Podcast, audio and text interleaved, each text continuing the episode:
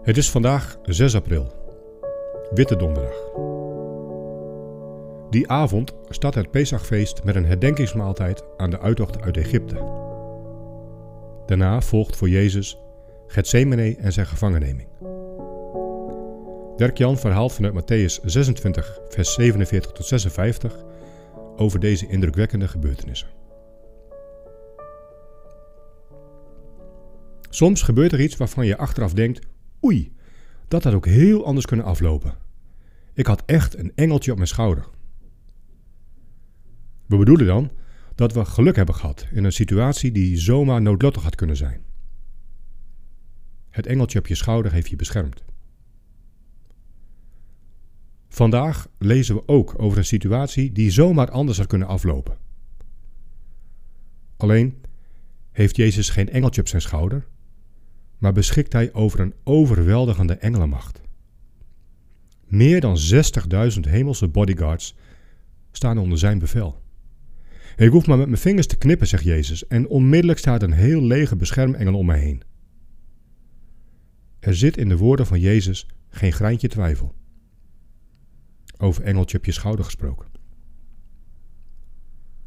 Nu zet het woord engeltje je gemakkelijk op het verkeerde been. In Matthäus 28 lezen we over één engel.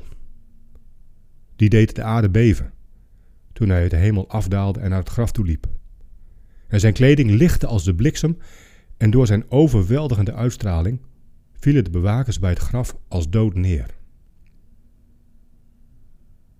Het had zomaar ook heel anders kunnen aflopen. De groep mensen die Jezus met knuppels en zwaarden komt arresteren, was geen enkele partij geweest voor deze engel. Laat staan voor de hemelse legermacht die Jezus tot zijn beschikking had. Hij hoefde maar met zijn vingers te knippen. Maar Jezus knipt niet met zijn vingers. Hij zet geen engel in, zelfs niet één. Heel bewust kiest hij ervoor dat de situatie hem noodlottig wordt. Als een lam laat hij zich naar de slacht leiden.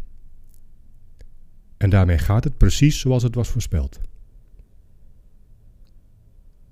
Jaarlijks vierden de Joden Pesach en dachten daarbij aan hun bevrijding uit Egypte en het bloed van het lam op de deurposten.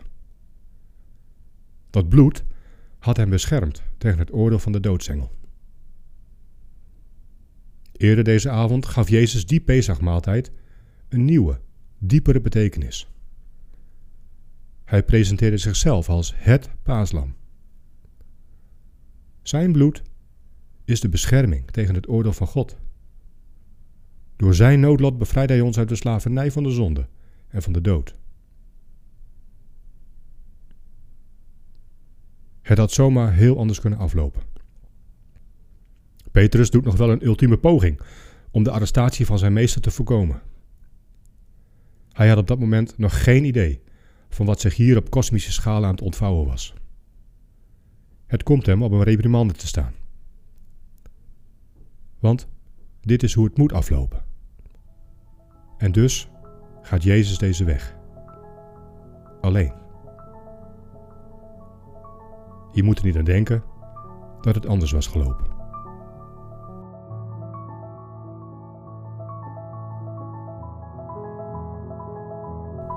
Leuk dat je luistert naar 40 dagen hier en nu. De podcast die je wil helpen om Jezus te volgen in jouw hier en nu.